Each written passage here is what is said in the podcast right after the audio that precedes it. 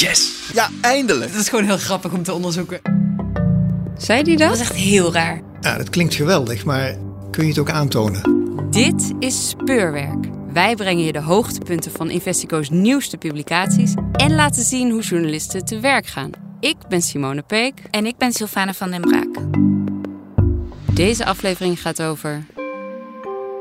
Nederlandse investeringen in een heel groot Iraans techbedrijf. Mega veel geld naar Iran wordt overgemaakt door Nederland. Ik denk dat er wereldwijd weinig landen zo omstreden zijn als Noord-Korea en Iran wat betreft investeringen. Welkom bij weer een nieuwe aflevering van Speurwerk. Ik begin met een klein beetje verdrietig nieuws. Want dat is namelijk dat dit de laatste aflevering is waaraan ik bijdraag. Maar trouwe luisteraars, geen zorgen, Sylvana blijft deze podcast maken. En ze zal dat doen samen met een andere ervaren radiomaker uit onze redactie. Michelle Salomons neemt het namelijk van mij over. En je kent haar stem misschien wel van de hitpodcast Dr. Bones. In deze podcast volgen we een onderzoek dat zich deels in Nederland, deels in Iran afspeelt. Half september 2022 leiden protesten in Iran enorm op en worden duizenden demonstranten opgepakt en honderden vermoord. En bij demonstreren blijft het niet. Ook verschillende Iraanse bedrijven worden geboycott. Een van die bedrijven lijkt verbonden te zijn aan Nederland. We luisteren naar journalisten Romy van den Burg, Linda van der Pol en Yargoub Sharhani. Die dat spoor vanuit Nederland naar Iran proberen te volgen. Samen met de Groene Amsterdammer, het Financiële Dagblad en de Belgische krant De Tijd.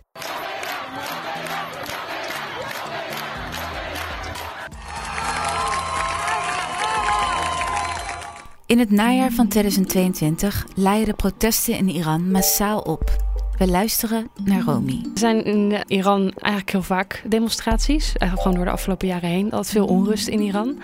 En vorig jaar, september, half september, escaleerde dat met de dood van Masha Amini. Linda. Masha Amini is een vrouw die in Iran in september uh, opgepakt werd door de zedenpolitie op straat. Omdat zij haar hijab niet goed droeg. Er was te veel haar zichtbaar. En zij overleed na een paar dagen op het politiebureau onder verdachte omstandigheden. Ze kreeg daar opeens hartfalen. Dit was een hele jonge vrouw van 22. En dus door politiegeweld om het leven zou zijn gekomen.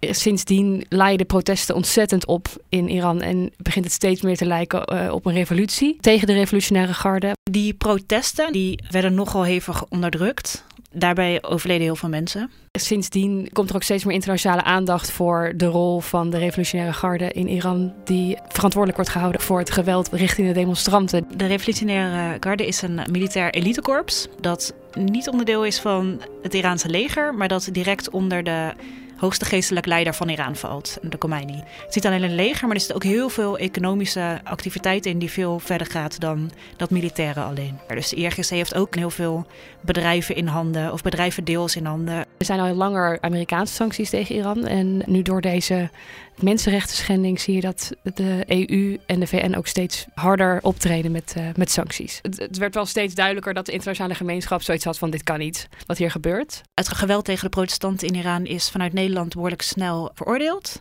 Door Mark Rutte, maar ook door uh, BUSA-minister Wopke Hoekstra, die de Iraanse ambassadeur in Nederland een aantal keer gesommeerd heeft. Bovendien werd in december werd ook door een meerderheid in de Tweede Kamer ervoor gestemd om de IRG, de Islamitische Revolutionaire Garde, om die op de Europese terreurlijst te zetten. Dat is nog niet gebeurd. Dat zal een langer proces zijn. Een aantal weken na de bloederige protesten in Iran wordt Investico getipt. Een tip over een Nederlandse investeringsbedrijf dat zou investeren in een groot uh, bedrijf in de Iraanse techsector. Dat was de tip inderdaad, ja. En dat lag eigenlijk veel ingewikkelder dan alleen dat. Het bedrijf heet voluit International Internet Investment Coöperatief UA. Volgens de eigen statuten heeft het als doel investeringen doen in het Midden-Oosten.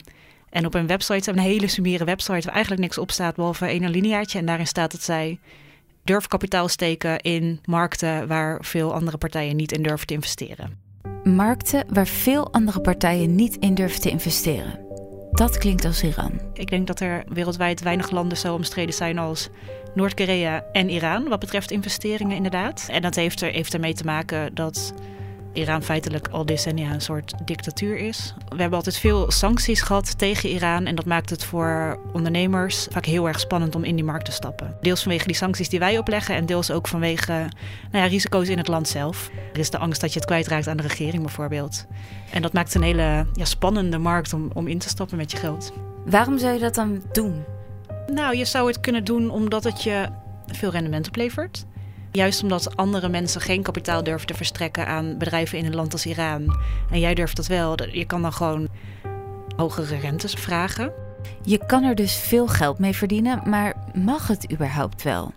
De Europese sancties mogen dan soepel zijn, maar de Verenigde Staten had toch al die tijd hele strenge sancties op handelen met Iran? Die sancties versoepelden een beetje rond 2015, want toen kwam er een nucleaire deal tussen de Verenigde Staten en Iran.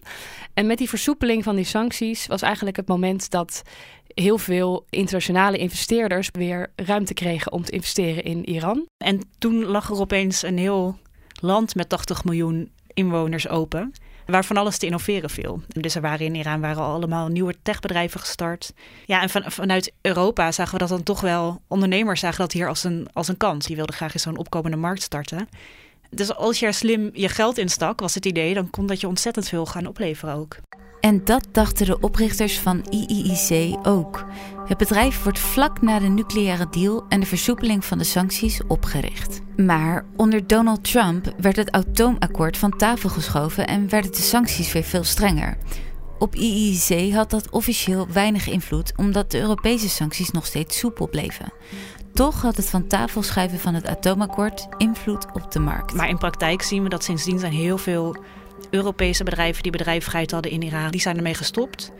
Omdat dat implicaties zou kunnen hebben voor de handel die zij drijven met de VS ook omdat de VS niet wil hebben dat zij daarnaast iets met Iran doen. En in praktijk voor bijna alle bedrijven zijn de handelsbelangen met Amerika veel belangrijker dan die met Iran. In Nederland staan drie Duitse bedrijven ingeschreven die nog wat activiteit hebben in, in Iran. Maar verder zijn die, zijn die handelsbetrekkingen ontzettend opgedroogd. Dat IIC dus bleef bestaan is dubieus. Wat is dit voor bedrijf? Romy en Linda kunnen tijdens dit onderzoek samenwerken met Jacob Sharhani, werkzaam bij de Groene Amsterdammer. Omdat hij zelf uit Iran komt, is hij een grote toevoeging aan het onderzoek. Ik ben Jacob Sharhani.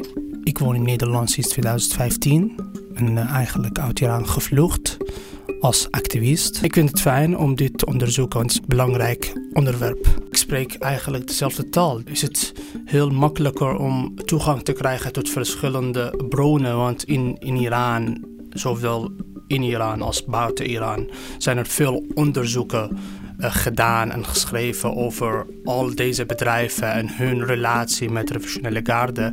En daarom is het heel makkelijker voor mij om meer informatie daardoor te krijgen. Is het makkelijk om mensen te spreken, want zowel in Iran als buiten zijn er veel experts, zijn er veel mensen die, die veel daarover weten, maar geen Engels kunnen spreken of geen Nederlands kunnen spreken. Dus daardoor kan ik gewoon met hun makkelijk communiceren en daardoor krijg ik, of kan ik gewoon meer informatie krijgen. Ja. De tip die Jacob, Romy en Linda binnenkregen luidde dat IIC zou investeren in een groot Iraans bedrijf. Dat bedrijf heet Digicala, het grootste e-commerce bedrijf van het land. Ik kan het een beetje vergelijken met bol.com en Amazon. En hoeveel geld wordt er in Digicala geïnvesteerd? Op dit moment zit er 204 miljoen euro in IIC. Het grootste deel van het geld gaat naar Digicala. Wat weten we over dit bedrijf? In de eerste weken na de, van de demonstraties zijn ongeveer 20.000 demonstranten in een hele korte tijd opgepakt. En experts die zeggen, ja, dat kan niet anders dan dat je gegevens hebt verzameld over al deze mensen via bedrijven die gebruikt kunnen worden voor surveillance. Zoals bijvoorbeeld nou ja, een Digicala heeft heel veel persoonsgegevens. Die kunnen namelijk weten waar iemand woont, wat diegene bestelt, hoe vaak die iets besteld heeft. En dat is natuurlijk hele relevante informatie voor een regime wat graag controle wil houden over de hele bevolking. En we hebben een heel aantal Iraniërs gesproken die een boycott zijn begonnen tegen Digicala. Omdat ze met deze vermoedens van surveillance uh, zeiden: ja, dit zijn zulke gevoelige gegevens die ze hebben.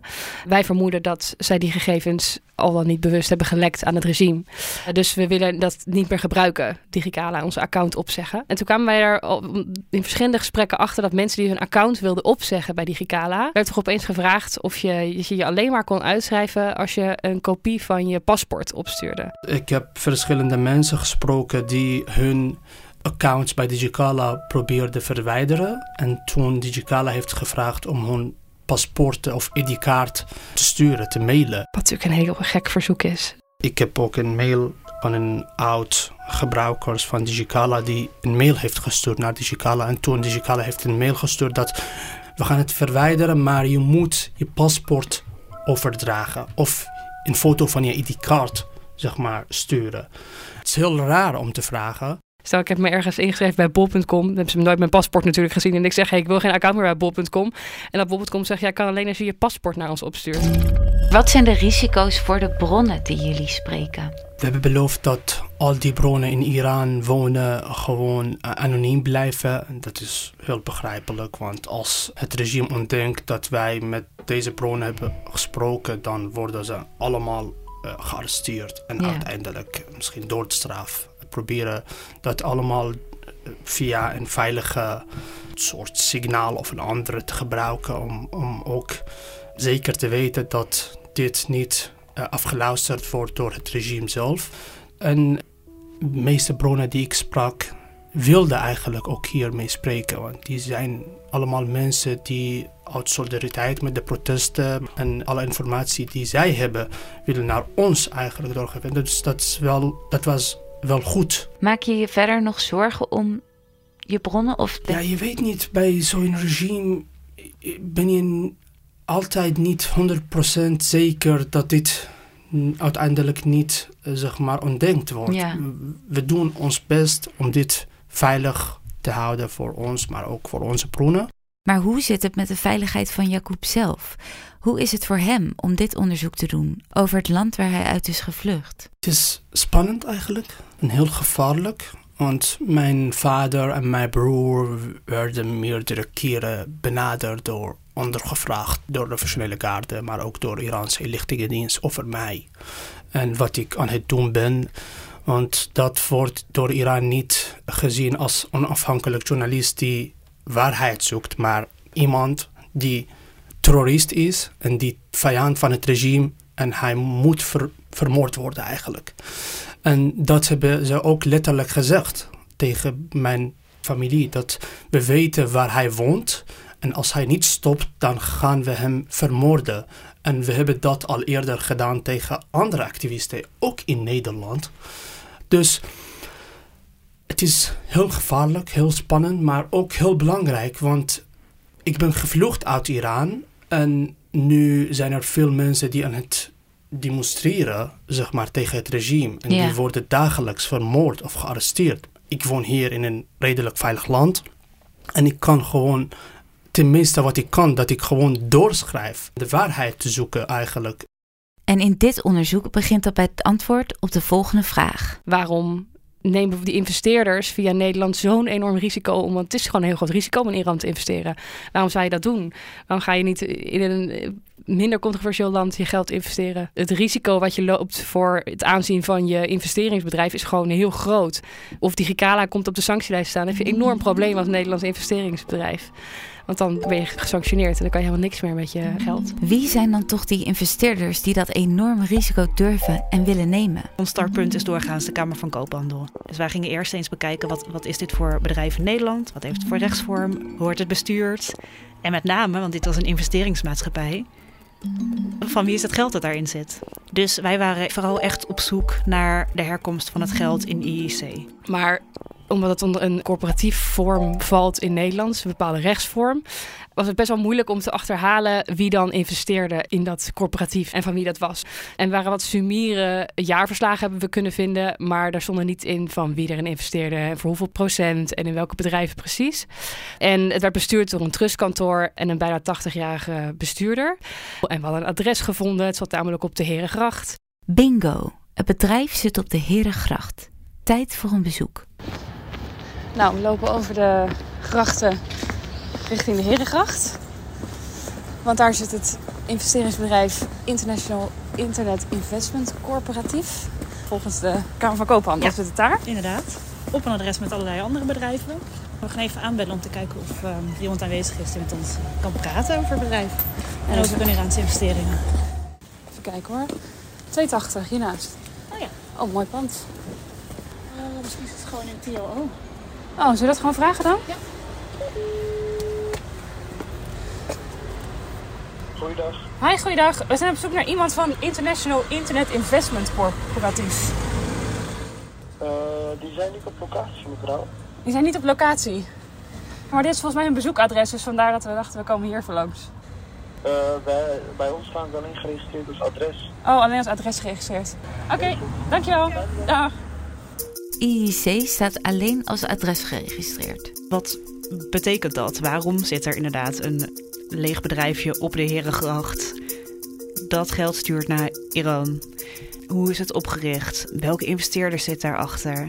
Oké, IIC investeert in Iran, in techbedrijven. Hoe legitiem zijn die techbedrijven? In hoeverre zijn die geleerd aan het regime? In hoeverre kloppen de verhalen dat bijvoorbeeld de user data in dit geval gebruikt zou worden om demonstranten op te pakken? De antwoorden op die vragen gaan Linda, Romy en Jacob niet in de Nederlandse KVK vinden. Dat is duidelijk. Gelukkig hebben ze toegang tot andere databases, zodat ze kunnen uitpluizen wie er allemaal in het geheimzinnige bedrijf zitten. Zoals OCCRP, de Organized Crime and Corruption Reporting Project. Met die lekken konden we dat uiteindelijk uh, flink in elkaar puzzelen. Dus konden we bekijken welke percentages investeringen waar vandaan kwamen. En wie zijn die investeerders dan? Vijf aandeelhouders hebben, zitten daarin. Ze hebben een heel groot Zweeds uh, investeringsmaatschappij zit daarin. Dat heet Pomgrenade. We hebben een bedrijf dat heet Garvest. Die hebben een kleiner aandeel. Een Luxemburgs bedrijf, investeringsbedrijf. Dan is er nog een, een Belgische aandeelhouder. Verdinvest. Dat is een investeringsmaatschappij van een van de rijkste families van België. Die familie die is, die is eigenaar van de grootste bierbrouwerij van België. Er valt onder andere Budweiser onder, maar ook Leffe, Corona. Dat is eigenlijk heel opmerkelijk, want Verlinvest heeft heel veel handelsbelangen in de VS. Ze hebben daar ook een eigen kantoor. Dus de Amerikaanse belangen van deze investeringsmaatschappij zijn enorm. En toch zijn zij in IIC gestapt. Wat we wel zien is dat ze het een beetje weggemoffeld hebben. Dus Verlinvest heeft in België een dochteronderneming, Coventra. En dat publiceert jaarverslagen, maar je, je, moet er maar goed naar zoeken om erbij te komen. En dan vervolgens staat in een van de jaarverslagen staat IIC. En IIC in Amsterdam investeert dan weer in de techsector in Iran. Tot slot stuiten ze op de vijfde en laatste investeerder. Toen kwamen we bij een bedrijfje in Luxemburg terecht. Dat was een van de aandeelhouders in IIC. En op die papieren konden wij zien dat dat van Said Ahmani Kesri was. En Said Ahmani Kesri, een Brits-Iraanse zakenman, blijkt niet alleen investeerder, maar ook de oprichter van IIC. Via het Iraanse investeringsbedrijf Sarava, waar Kesri toen der tijd CEO van was, wordt het bedrijf opgezet. En na een beetje speuren komen we erachter met welke reden. IIC is volgens de CEO van Sarava opgericht om sancties te vermijden. En dat had er dan inderdaad mee te maken dat het in die tijd, in, tijdens de oprichtingstijd van IEC in 2015, 2016, moeilijk was voor investeerders schijnbaar om direct in Iran te investeren.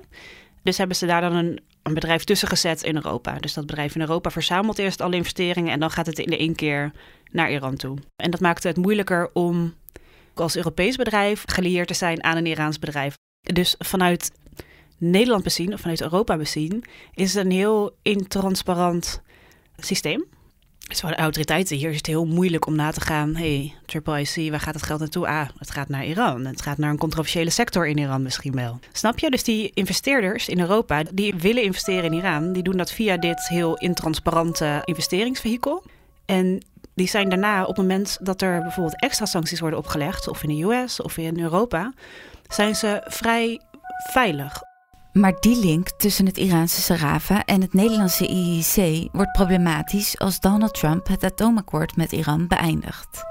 Nadat Trump zich uit dat akkoord terugtrok en die sancties verhevigden, toen zijn um, Sarava en IIC formeel uit elkaar getrokken. Dat betekent dat de uh, Iraanse investeerders in IIC die hebben zich teruggetrokken.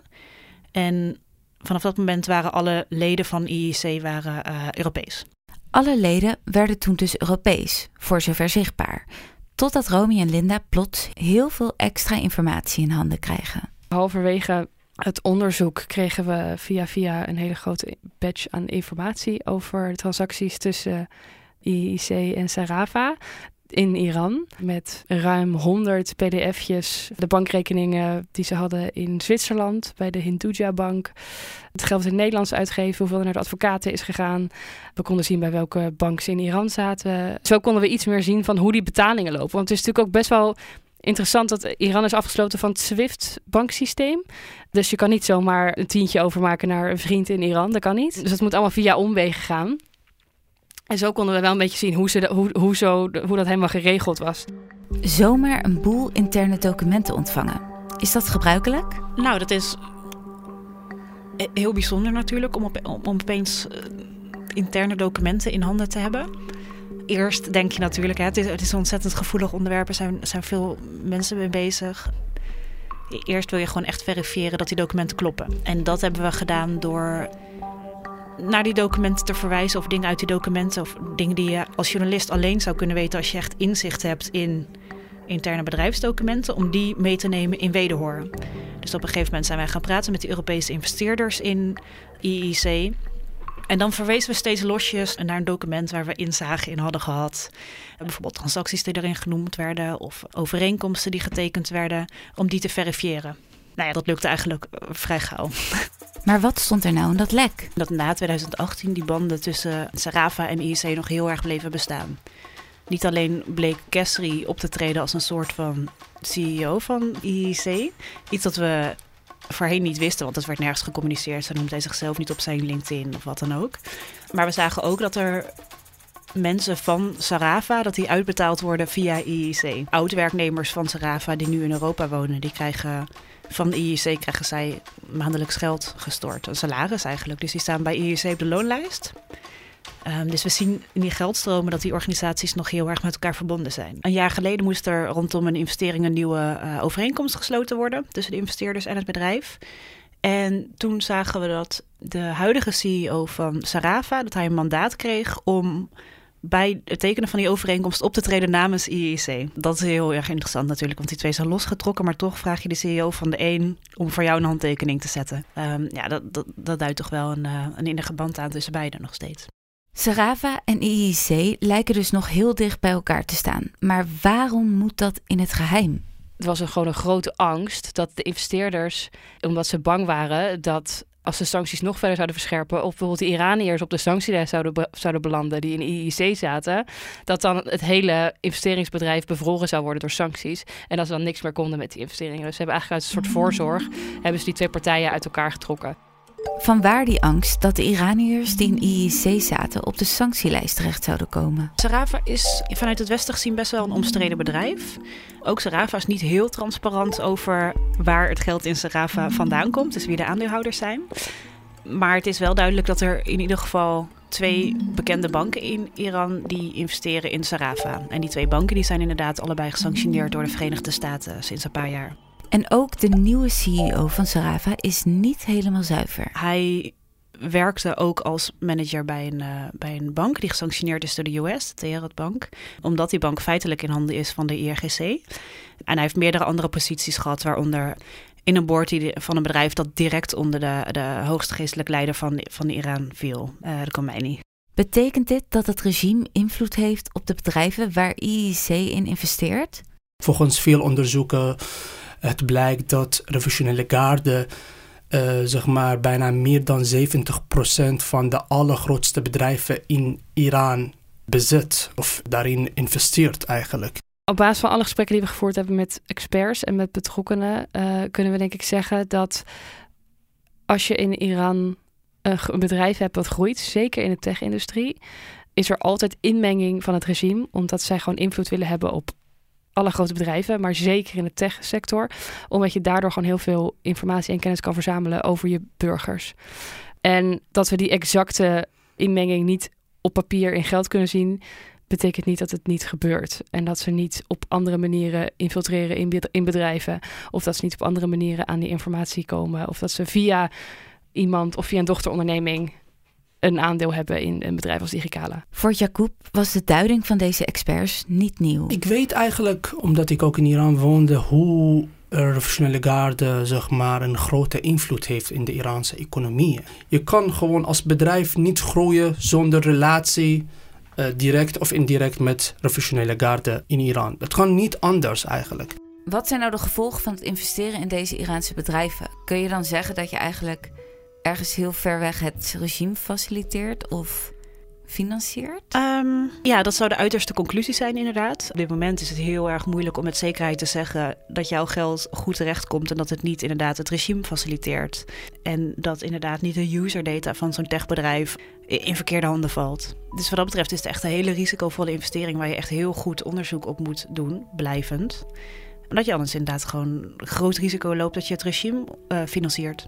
Maar gaat dit dan in tegen sanctiewetgeving? Het gaat niet in tegen Europese sanctiewetgeving. Dat komt omdat de Europese Unie heeft wel een aantal bedrijven en mensen geleerd aan het regime op de sanctielijst staan. Maar Digicala staat daar niet op en de directe bestuurders ook niet. Dus de investeringen mogen. Het ligt toch wat ingewikkelder dan dat. De Verenigde Staten heeft namelijk wel strenge sancties op handelen in Iran. Want de investeerders in IEC die hebben vaak wel wat te maken met, met Amerika. Zoals die Belgische familie? Ja, zoals die Belgische familie inderdaad, die ook een kantoor heeft in de, in de Verenigde Staten, die ook uh, transacties doet in de Verenigde Staten, die daar handel drijft. Dus als dit dan uitkomt straks, Gaat er dan iets gebeuren? Um, ja, het Belgische bedrijf zelf zegt dat zij voldoet aan de sancties, omdat zij deze aandelen hebben ondergebracht in een dochterbedrijf van het Belgische bedrijf. De tak in de US, die zou er dan weer helemaal los van staan. Ik denk zelf dat dat voor de sancties van de Verenigde Staten niet houdbaar is. Want het is uiteindelijk gewoon een investering binnen een, een groep. En dat Amerikaanse kantoor hoort ook bij binnen die groep. Het zou kunnen dat ze inderdaad een probleem hebben dat ze snel van deze aandelen af moeten wil natuurlijk eigenlijk altijd een stapje verder. En dat is of een directe link met het regime aantonen, of laten zien dat het sancties overtreedt. Dus nu moet je veel meer gaan kijken naar je bewijsvoering omdraaien. Bijvoorbeeld aan IEC vragen we van hoe sluiten jullie uit dat het regime geen inmenging heeft in jullie investeringen en dat er geen invloed wordt uitgeoefend. En hebben die bedrijven dan geen eigen verantwoordelijkheid? De bedrijven die worden eigenlijk ook geacht om zich te houden aan de OESO-richtlijnen. Dat zijn richtlijnen die opgezet zijn door de VN. En die stellen dat een bedrijf altijd goed onderzoek moet doen of daar mensenrechten worden geschonden. Wat zeggen de investeerders van IEC daarover? Zij zeggen dat het naleven van sancties en onafhankelijk zijn van het regime hun topprioriteit is. Kunnen ze dat dan ook onderbouwen? Er was ook iemand met wie we spraken die het eerst inderdaad had over die 100% zekerheid. Maar toen we daarop doorgingen, ja, maar hoe bewijs je dit? Hoe weet je dat echt zeker, die 100%? Toen krabbelde hij natuurlijk terug en zei: Ja, je weet het eigenlijk nooit zeker. Dat eigenlijk zei hij zelf: Hoe moet ik vanuit Europa nou zeker weten dat er in Iran niks raars aan dat bedrijf gebeurt? Ja, en dat is het punt hier natuurlijk. Experts die wij spreken, die zeggen allemaal: Ja, maar jij kan als Europese investeerder niet achter de voordeur kijken bij een bedrijf in Iran. En dat bedrijf in Iran kan er aan de buitenkant heel erg keurig uitzien. Maar tegelijkertijd kun je mij niet garanderen dat het regime niet in dat bedrijf zit. Waarom is het nou zo belangrijk om dit te onderzoeken en te publiceren? Je investeert in een groot omstreden bedrijf in Iran. Dit bedrijf in Nederland geregistreerd. Dit bedrijf mega veel geld naar Iran wordt overgemaakt door Nederland. Jacob heeft een goed punt. Waarom zit dat bedrijf toch in Nederland? We maken niet zoveel openbaar. Dat is een groot voordeel. Dat is ook wel een van de voordelen waarom mensen vaak Nederland kiezen als plek om dit soort dingen op te richten, zo'n corporatief of uh, een brievenbusfirma. Dus Nederland spreekt zich fel uit tegen het regime in Iran, maar houdt wel een vestigingsklimaat in stand, waardoor er veel geld in Iraanse bedrijven geïnvesteerd kan worden. Dat gaat niet samen. Er wringt inderdaad iets. Stel inderdaad, op het moment dat er meer sancties opgelegd worden aan Iran, dan moet dat dus vanuit Nederland gehandhaafd worden. Dat zagen we natuurlijk ook bij het handhaven van Rusland-sancties dan moet Nederland wel kunnen vinden waar dat geld dan is, in wat voor vehicles dat zit. En bij IEC is dat best wel moeilijk, want van de buitenkant heb je geen idee dat het geld naar Iran gaat. Dit was Speurwerk. Je hoorde Romy van den Burg, Linda van der Pol, Yagoub Shahani en je hoorde ook hoe zij ontdekte dat een investeringsmaatschappij aan de Amsterdamse Herengracht bijna 300 miljoen aan investeringen voor de omstreden Iraanse techsector ophaalde. IIIC werd opgericht door een Iraans bedrijf om Europees kapitaal aan te trekken. Europese ondernemers, waaronder een van de rijkste families van België en een Brits-Iraanse zakenman, kunnen via het bedrijf ongezien investeren in Iraanse bedrijven, zoals het omstreden Digicala, de Iraanse tegenhanger van Amazon of Bol.com. Het bedrijf werd vorig jaar geboycott door een deel van de Iraanse bevolking, omdat zij bang was dat het bedrijf persoonsgegevens deelt met de geheime dienst. Heb je aan deze podcast nog niet genoeg en wil je meer weten over dit onderwerp? Lees dan het hele verhaal in de Groene Amsterdammer, in het Financieel Dagblad of de Belgische krant De Tijd. Voor geannoteerde versie van het onderzoek, met alle bronnen en waar de bevindingen op gebaseerd zijn, kijk je op de website van Investico. Linda en Romy blijven onderzoek doen naar Iran. Heb jij een tip voor ze? Mail het naar vanderpol.platform-investico.nl Wil je onderzoeken die in speurwerk aan bod komen steunen en de onderzoeksjournalistiek van Investico verder helpen? Word dan vriend van Investico. Via de link in de show note van deze podcast kan je een jaarlijkse bijdrage doen om ons te steunen. Die bijdrage is trouwens fiscaal aftrekbaar. En ook met een eenmalige bijdrage zijn we heel erg blij. Wil jij altijd als eerste op de hoogte zijn van een nieuwe aflevering van Speurwerk? Abonneer je dan in de podcast-app. We danken Pepijn Buitenhuis voor de muziek en eindmix. Tot de volgende keer. Dit was dan mijn laatste aflevering van Speurwerk. Dit keer extra bedankt voor het luisteren. Ik hoop dat jullie dat blijven doen. Ik blijf in ieder geval in de journalistiek. Helaas niet meer voor Investico. Maar wie weet, tot een volgende keer.